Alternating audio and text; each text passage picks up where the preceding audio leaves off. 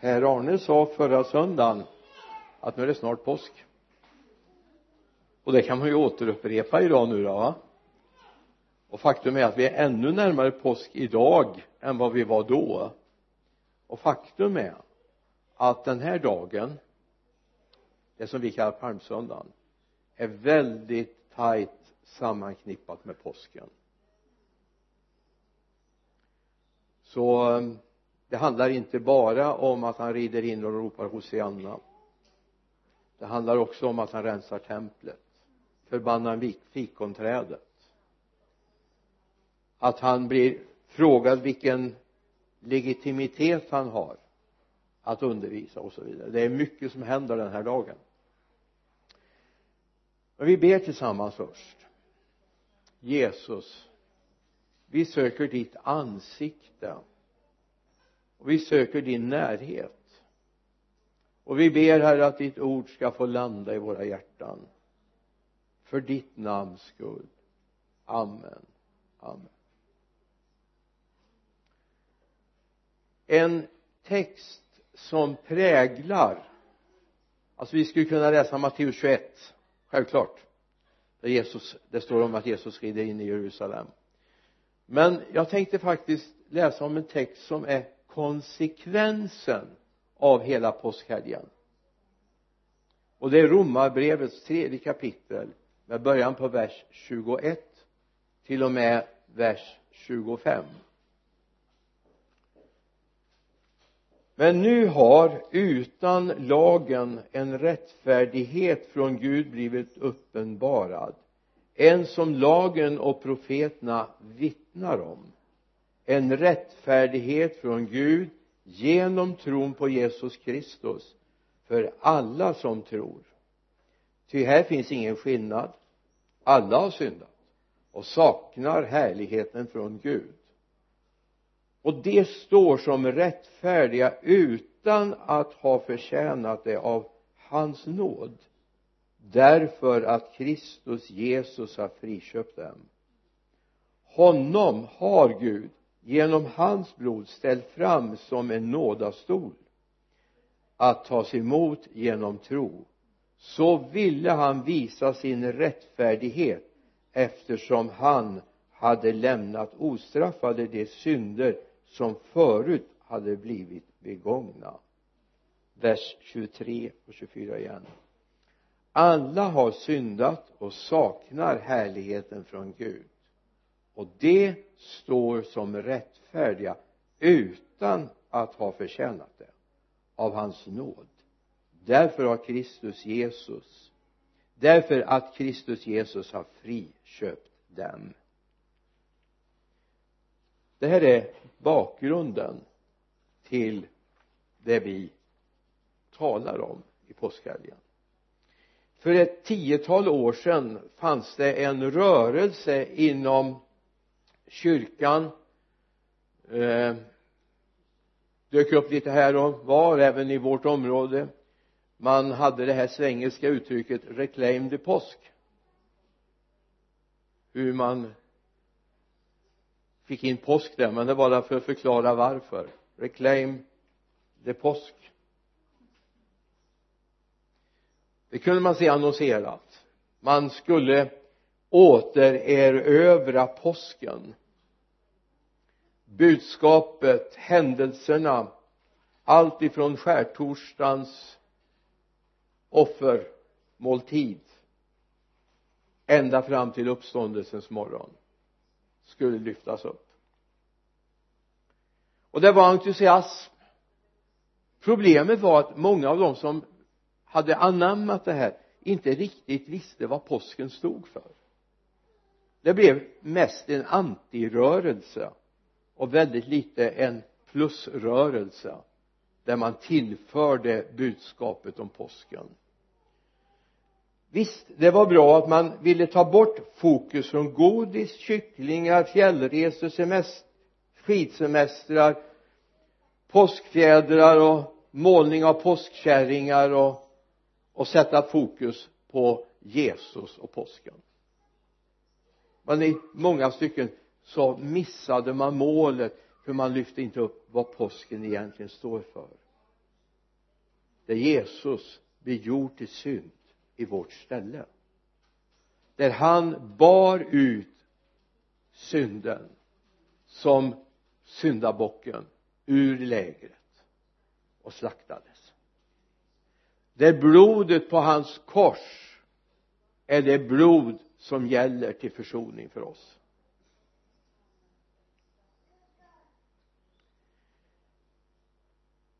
Jag tror att en del inte riktigt fått tag i det då. Det blev en antirörelse. Men vi ska inte ha antirörelse vi ska ha rörelser för Jesus Kristus.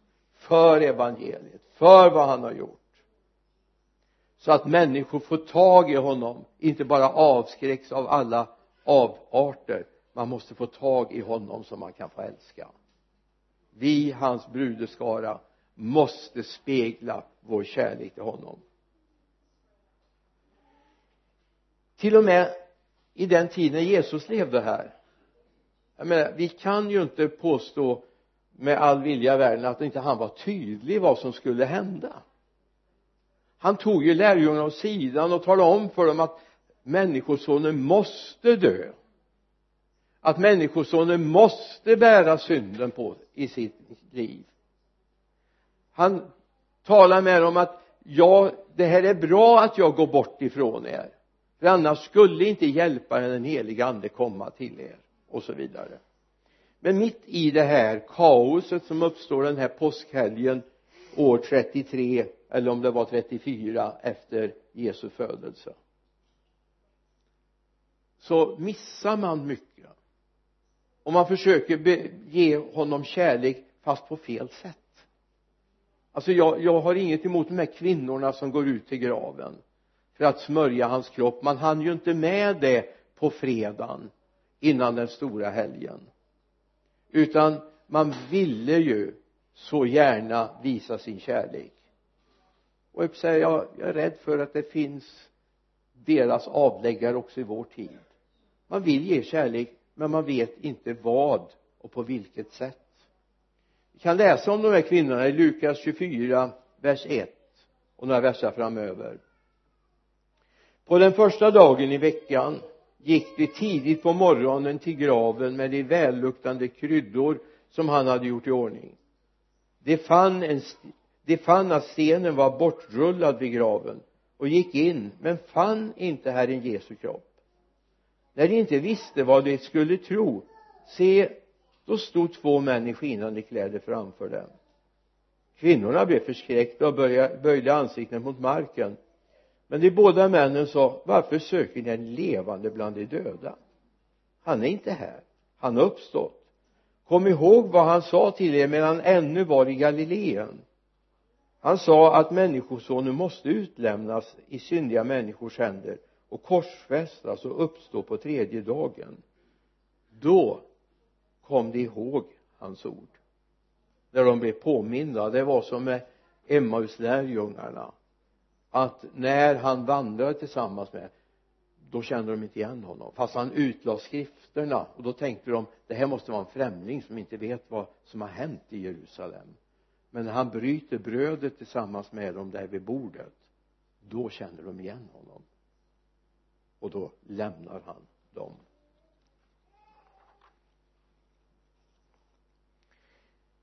Vi har en verklighet att förhålla oss till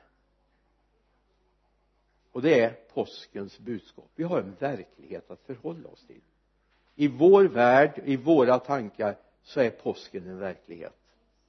Det är inte bara någonting vi säger att vi måste tro på. Vi, vi vet att det är sant. Eller hur? Vi har en seger som är vunnen. Och du skulle kunna sätta epitetet segrare över ditt liv du är en segrare i Jesus Kristus. Du är inte en förlorare. Du är en segrare. Men tänk dig in två bilder som kom till mig när jag tittade på det här. Tänk dig att det finns någon som har sprungit ett långt maratonlopp och så kommer in på stadion. Folket jublar. Personen kommer först. Bryter småsnöt men fattar inte att han har vunnit. Han fortsätter att springa igen varv efter varv efter varv inne på stadion och förstår inte att han har vunnit. Han kämpar i sitt anletes svett och har inte fattat att han har vunnit. Så ser jag många kristna idag. De kämpar i sitt anletes svett för att uppfylla all rättfärdighet. Men de är ju segrare. De har gått i mål. De har vunnit. Nu väntar de bara på den eh, segerkrans som inte kan vissna. Ändå kämpar man vidare. Man lever i, i fasa för det ena eller det andra. Du har vunnit med Kristus. Du är segrare. Loppet är över. Nu kommer den segerkrans som inte kan vissna att ges till dig. Om du håller kvar i detta att du är segrare Jesus har vunnit segern för mig då är du i mål. I Efesierbrevets andra kapitel så det är viktigt att vi tar med oss verserna 4 och 5 min Gud som är rik på barmhärtighet har älskat oss med så stor kärlek också när vi ännu var döda genom våra överträdelser att alltså, han har gjort oss levande tillsammans med Kristus. Av nåd är ni frälsta. Får jag ta tillbaka den här bilden? Det är inte så att du kan bli mer frälst det är inte så att om du presterar mer blir du mer frälst. Om du är duktigare och uppfyller all rättfärdighet så blir du mer frälst. Du kan bara bli frälst. Och det säger inte lite. Av nåd är ni frälsta inte på grund av prestation för att ingen ska berömma sig står det på ett annat ställe. Den andra bilden som kom till mig tänk om du skulle ha en jättestor skuld eller vi kan ta någon annan någon har en stor skuld. En sån där som man ligger och har mardrömmar över på nätterna man vet inte hur man ska få ihop de här pengarna till den här skulden. Och så en dag dimper det ner ett brev i brevlådan. Och så står det från banken eller penninginstitutet att skulden är avskriven den är betald. Någon har betalat den här skulden. Men du har svårt att tro det. Så du försöker att skrapa undan och lever själv i armod. För jag ska ju betala skulden. Men den är ju betald. Men jag måste klara av det här. Jag måste visa hur duktig jag är. Där lever väldigt många kristna idag jag ska vara så duktig. Jag ska klara av det. Men skulden är betald. Du är friköpt. Det var en som klev emellan och betalade din skuld. Det här måste vi få in. För det första vi har vunnit seger med honom. För det andra vi är skuldfria. Inte på grund av att vi är så duktiga utan på grund av hans nåd. Och nu har vi bara att förhålla oss till det i romarbrevet 3.24 läste vi och de står som rättfärdiga utan att ha förtjänat det. Av hans nåd därför att Kristus Jesus har friköpt dem. De står som rättfärdiga. Det är ju det här påsken handlar om. Det här är konsekvensen av om vi uppfattar vad påsk är av nåd är du frälst. Galaterbrevets tredje kapitel vers 13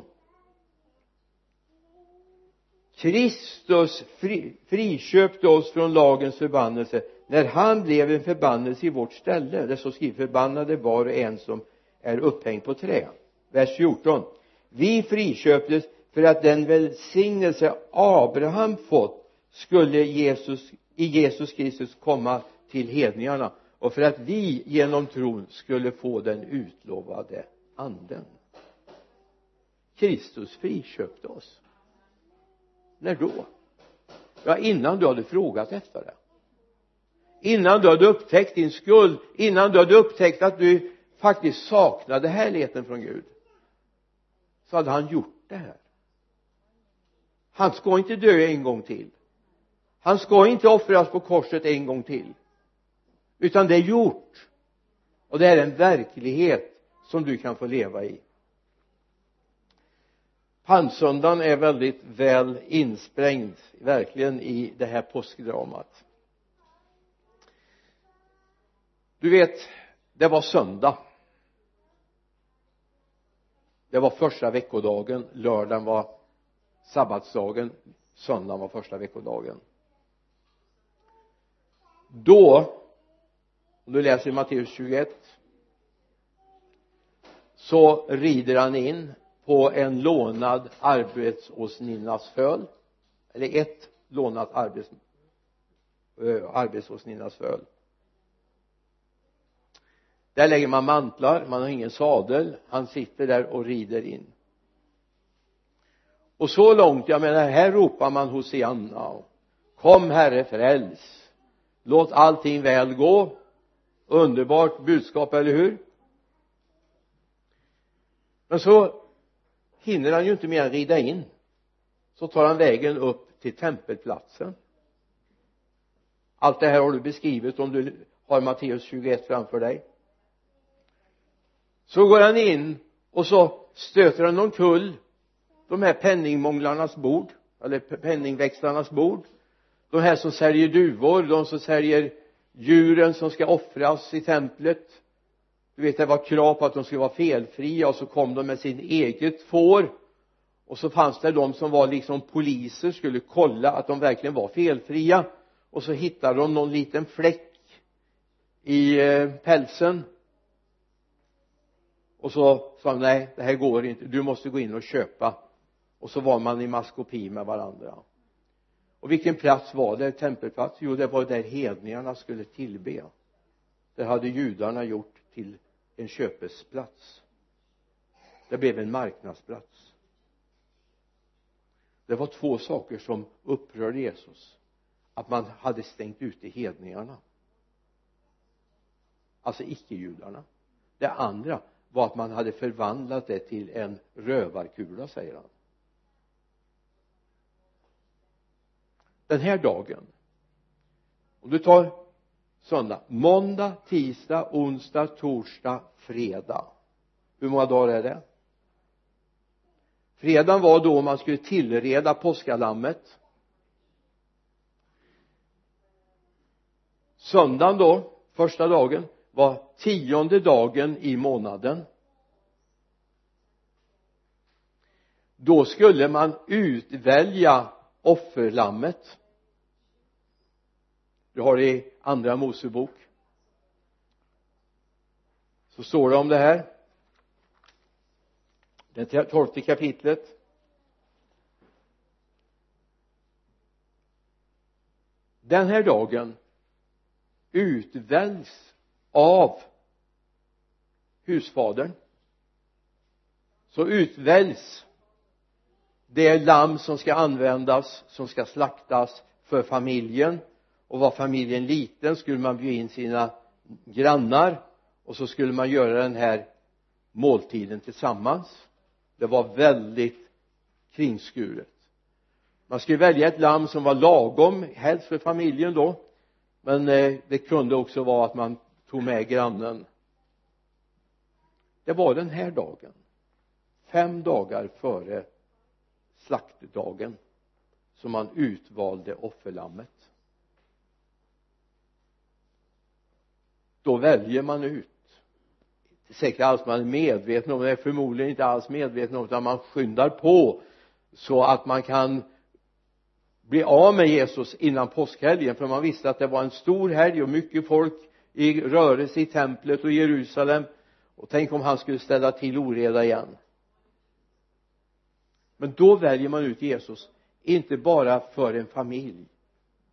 Han väljs ut som offerlammet för en hel värld. Han väljs ut som offerlammet för en hel värld. Det finns timing i det Gud gör.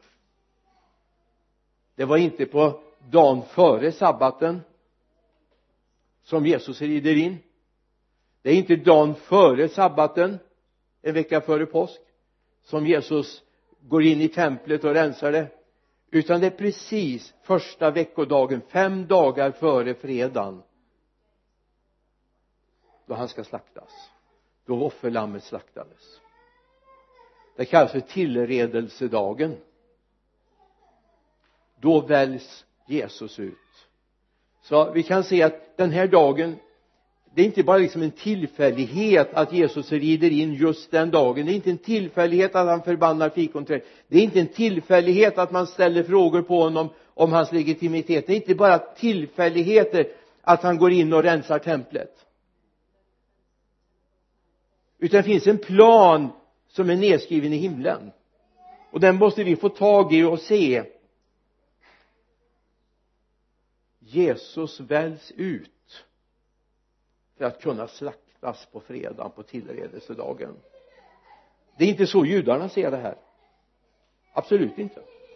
Utan man ville bli av med honom innan påsken.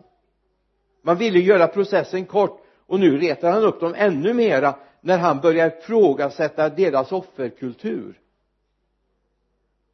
När han till och med går ut på väg till Betania och förbannar fikonträdet vad säger han mer? Jo roten eller yxan är redan satt i roten. Vilken rot? Det är då som det möjliggörs för oss hedningar att bli inympade i äkta olivträdet.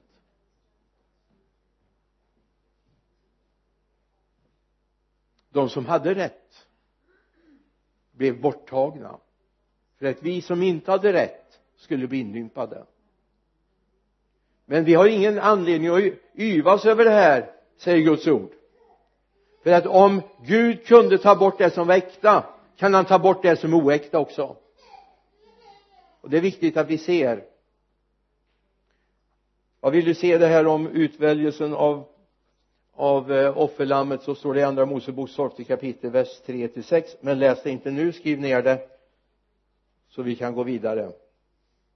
Jesus utvaldes för hela världens synd.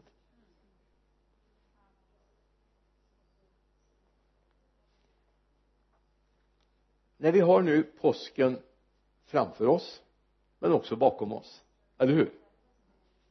Vi har ju varit med om några påskar. Vi som har kommit några år till upp i, i åren vi, vi har ju varit med om en hel del påskar va?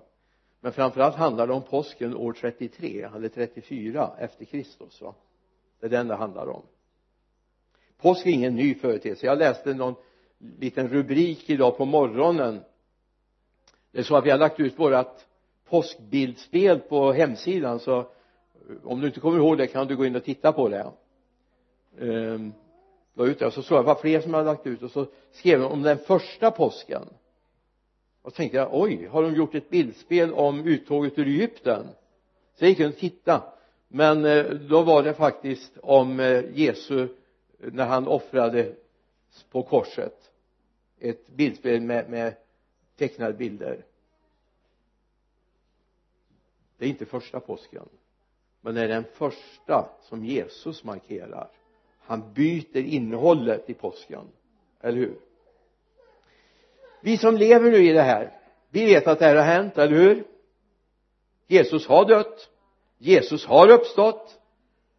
Livet har förkunnats då är det viktigt att vi inte låter den onde predika för oss. Vad är det han vill säga? Du duger inte. Du klarar inte av det här.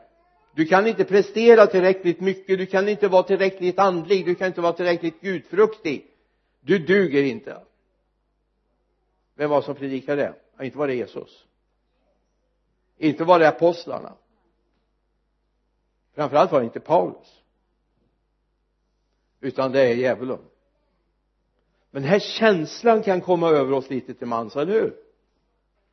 Jag är nog inte tillräckligt andlig. Jag fick höra det i torsdags av en man som sa och så citerade han mängder av bibelord för mig om saker som han hade uppfattat och han hade känt att att eh, Gud hade talat till honom i ett speciellt ärende. Och så även i predikan i, i torsdags i Lidköping fick han samma bibelord upprepat för sig igen.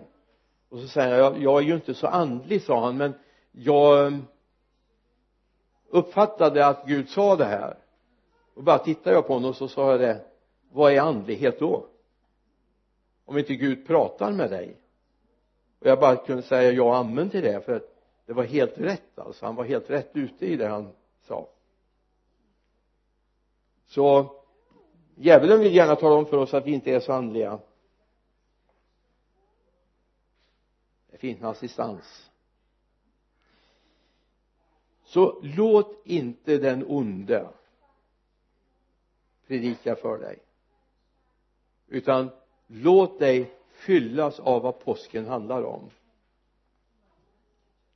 Johannes, eh, i Johannes evangeliets åttonde kapitel läser vi om Jesus va?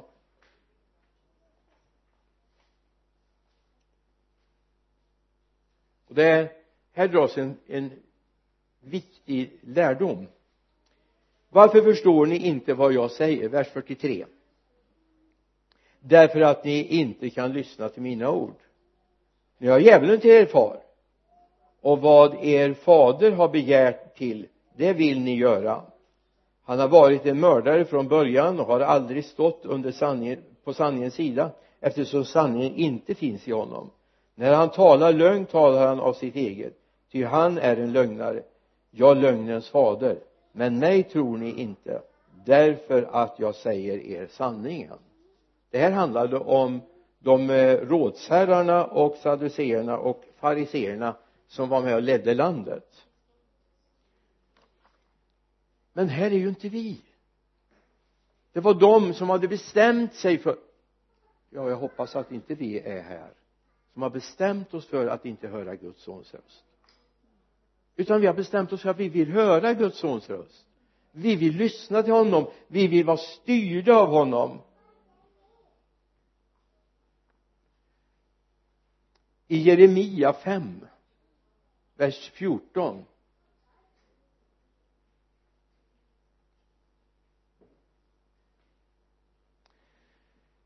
de tar det lätt med att hela mitt folks skada och säger med hela mitt folks skada.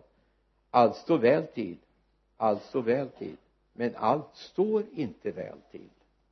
Det är också de här människorna som inte vill underordna sig Gud. Jeremia 6 och 14 excuse me.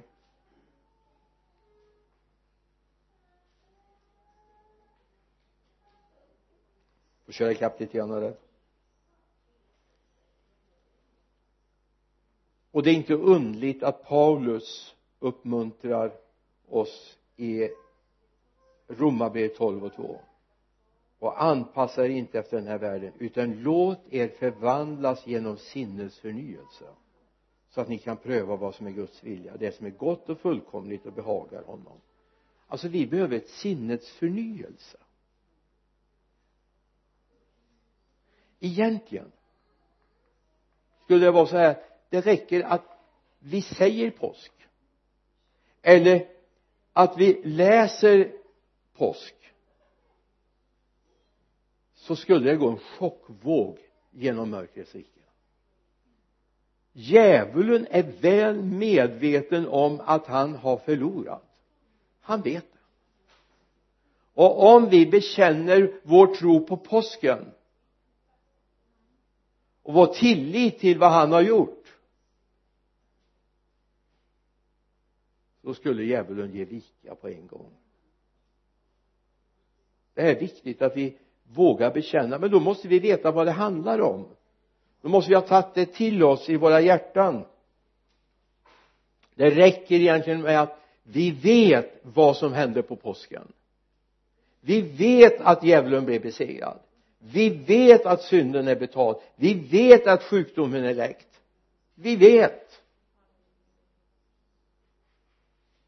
Det är inte så att vi behöver ropa på Jesus och säga Jesus kom och dö en gång till för synden Jesus kom och försona oss en gång till.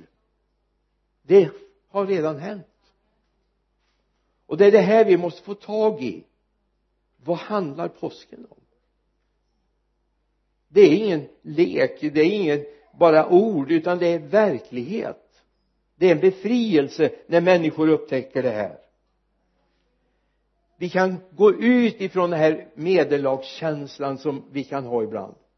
Och vi kan få bli segrare. Vi vågar sträcka på huvudet och säga jag har med honom vunnit segern. Jesus är på min sida. Alltså har vi vunnit segern. Inte tack vare mig inte tack vare dig utan tack vare Jesus. Och det här måste vi få tag i. i Jakob 4 så har Jakob en undervisning om det här. Vers 7 till 10 underordna er därför Gud. Stå emot djävulen så skall han fly bort från er. Närma er Gud så skall han närma sig er. Gör era händer rena ni syndare och rena era hjärtan ni tvehågsna klaga, sörj och gråt. Låt ett skratt vändas i sorg och i glädje i bedrövelse. Ödmjuka er alltså inför Herren. Så skall han upphöja er. De här versarna skulle vi behöva ta tid att gå igenom.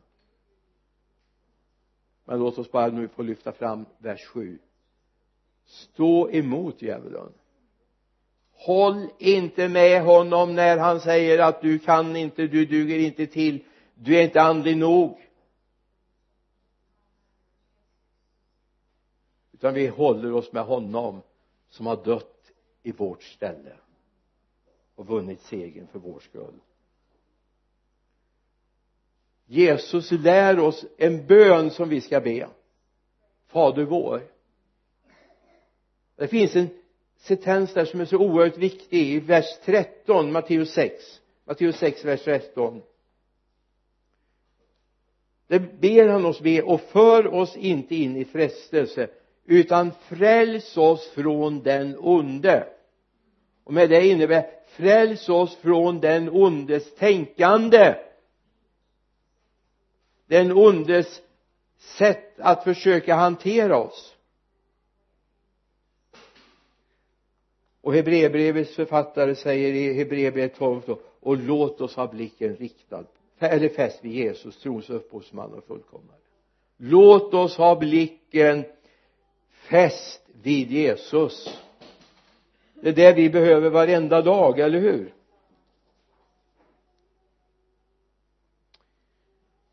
När vi upptäcker vad påsk är så är det en frisk källa av liv. Jag vet ingenting som mer talar om liv. Vi ska uppstå med honom som han har uppstått står det när han har dött så ska vi dö med honom för att vi ska uppstå med honom. Och att uppstå det är att få liv. Död det vet vi vad det var. Men liv det har vi i honom. Vi har uppstått med honom och vi har fått evigt liv. I Johannes 5 24 står det amen amen säger den som hör mina ord och tror på honom som har sänt mig han har evigt liv och kommer inte under domen utan har övergått från döden till livet. Alltså en av de absolut svåraste punkterna i det kristna budskapet är att få människor att inse jag har varit syndare. Jag har saknat härligheten från Gud. Den bekännelsen måste komma först för att jag ska få del av det han har gjort för mig. Men när jag har gjort den bekännelsen och jag tror på honom som har sänt Jesus Kristus då har jag evigt liv. Och kommer inte under domen utan har övergått från döden till livet.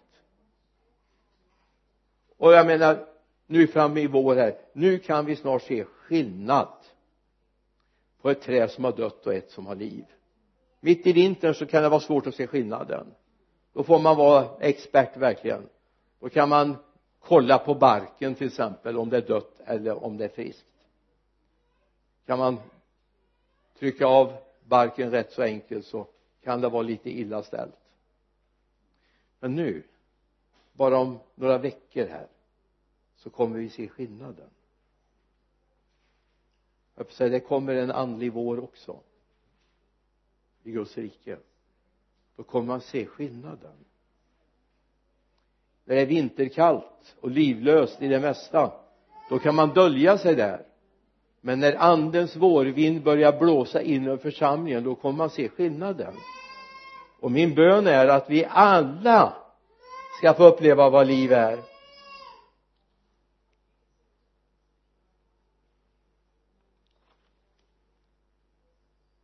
Leva i den här påskverkligheten det är att leva i en upprättelse. Ni vet hela världen är under en ondes våld. Jag menar vem av oss vet inte att vi är på väg mot en naturkatastrof i vår värld? Den globala uppvärmningen etc etc isbergen håller på att lossna från Arktis och Antarktis. Havsnivåerna stiger övärldarna i Polynesien kommer att översvämmas. Det finns öar som man redan har börjat evakuera. Världen är en ondes våld. Men vi hör Gud till. Att då få i det här få leva i hans upprättelse. Ja men när hans tid kommer ja men du kommer inte att sköljas bort du kommer inte att gå under trots att det blir hur stora ozonhål eh, som helst i atmosfären. Du kommer inte brännas upp därför vi är i Guds upprättade verklighet fast vi lever i den här världen. Jag säger inte att vi ska slarva med solandet och så vidare. Jag hörde idag en rapport att det var farligare att inte sola än att sola och imorgon så är det faktiskt farligare att sola än att inte sola. Så att jag menar vad ska man tro? Ja, jag tror på Gud. Jag tror på Gud. Och jag har överlämnat mitt liv åt honom. Gud har både frälst oss från och frälst oss till. Och framförallt han frälst oss till sin älskade sons rike. Och där är jag. Tack vare påsken. Så är jag ju hans älskade sons rike. Jag satt med honom där så när jag ber så gör jag det utifrån en position i hans älskade sons rike. Jag är upprättad. Men för att vi ska få tag i det här så behöver vi få tag i andra delen av vers 12 i romarbrevet 12 det står i första delen och anpassa inte efter den här världen. Sen kommer nästa del. Och utan låt er förvandlas genom sinnets förnyelse. Du behöver ha ett sinnes förnyelse. Du behöver den heliga andes förnyelse i ditt sinne. Så att du kan pröva vad som är Guds vilja står det sen. Det som är gott och fullkomligt behagar honom. Så att du kan pröva så det du, vi behöver be om det är Gud förnya mitt sinne. För så länge jag lever kvar med det gamla livets sinne det, det fallna släktets sinne så kommer jag inte förstå vad som är Guds vilja i den här världen. Och det har vi allt för många kristna som vandrar där som inte har låtit sig uppfyllas av den heliga andes verklighet och förnyas i sitt sinne och sitt tänkande. I Efesierbrevets fjärde kapitel läser vi vers 23 men jag tar med vers 22 och 24 också. Ni har lämnat ert förra liv och lagt av den gamla människan som går under bedragna sina begär. Är det sant? Att bara var och en kan svara på det. För det gamla livet kan inte förnyas. Det är bara det nya livet som kan förnyas. Så vers 23 och ni förnyas nu till ande och sinne ni har iklätt er den nya människan som är skapad till likhet med Gud i sann rättfärdighet och helighet. Ni förnyas nu till ande och sinne. Och vi behöver ett nytt sinne. Vi är så präglade av den här världens tänkande vad som går och inte går. Jag menar Jesus han till och med bryter naturlagarna om så behövs. Vi talade om det i torsdags i Lidköping. Jag menar Jesus gick på vattnet om det behövdes det betyder inte att alla kristna kan gå på vattnet. Om inte Gud säger det. Jag vet det är de som sagt att jag är, jag är så kristen så jag kan gå på vattnet och så säger jag bara blub, blub, blub, blub, blub. det är inte meningen. Inte alls meningen. Men vi ska ha ett förnyat sinne så vi vet vad Gud vill med våra liv vi ska inte vara styrda av kompisar vi ska inte vara styrda av samhället vi ska vara styrda av Gud. Och sätta honom först alltid. Jag talade om det i Matteus 6 och 33 i torsdags i Lidköping. Sätt Guds rike först. Låt det vara prio i allt. Alltid. Därför Gud kan till och med bryta naturlagarna. Vi har upplevt personligen när Gud har fyllt på oljetanken i ett, ett hus när det var 30 grader kallt ute. Den var tom men Gud fyllde på för varje stund som den behövde brinna. Jag har varit med om att Gud har fyllt på kassan ekonomiskt. Eller snarare kanske gjort så att det har räckt längre än vad det borde ha gjort. Alltså Gud kan bryta det vi tror är gränsen, möjligheten. Gud kan göra det som i mänskligt avseende är omöjligt. Men då behöver vi ett förnyat sinne så vi kan se det. Så vi kan till och med ropa till Gud om det. Så att vi inte blir jagade av den här världens tänkande. Till sist. I andra Korinthierbrevets tionde kapitel vers 4 till 6 så säger bibeln så här och det vapen vi strider med är inte svaga utan har makt inför Gud och bryter ner fästen. Ja vi bryter ner tankebyggnader och allt högt som reser sig upp mot kunskap från Gud. Och vi gör varje tanke till en lydig fånge hos Kristus. Och är beredda att straffa all olydnad så snart vi har blivit fullkomligt lydiga. Här har du en hemlighet om inte påskens verklighet har fått fylla ditt sinne om inte påskens seger är din seger så har du inte låtit tankebyggnaderna som finns i den här världen brytas ner. Vi kan till och med ha religiösa tankebyggnader som behöver brytas ner. För att vi ska få kunskapen om Gud det vi ska få kunskapen om Gud. Den kunskap som kommer från honom. Och då kan vi göra varje tanke till en lydig fånge hos Kristus. Alltså varje tanke är född hos Kristus. Och när vi har kommit dit hän då kan vi börja bombardera andevärldarna och göra dem till lydiga under Kristus. Vi kan vända människors hjärtan till Kristus men först när vi själva blivit fullkomligt lydiga. När vi fullkomligt själva har blivit ett med Kristus. Så har vi en legitimitet.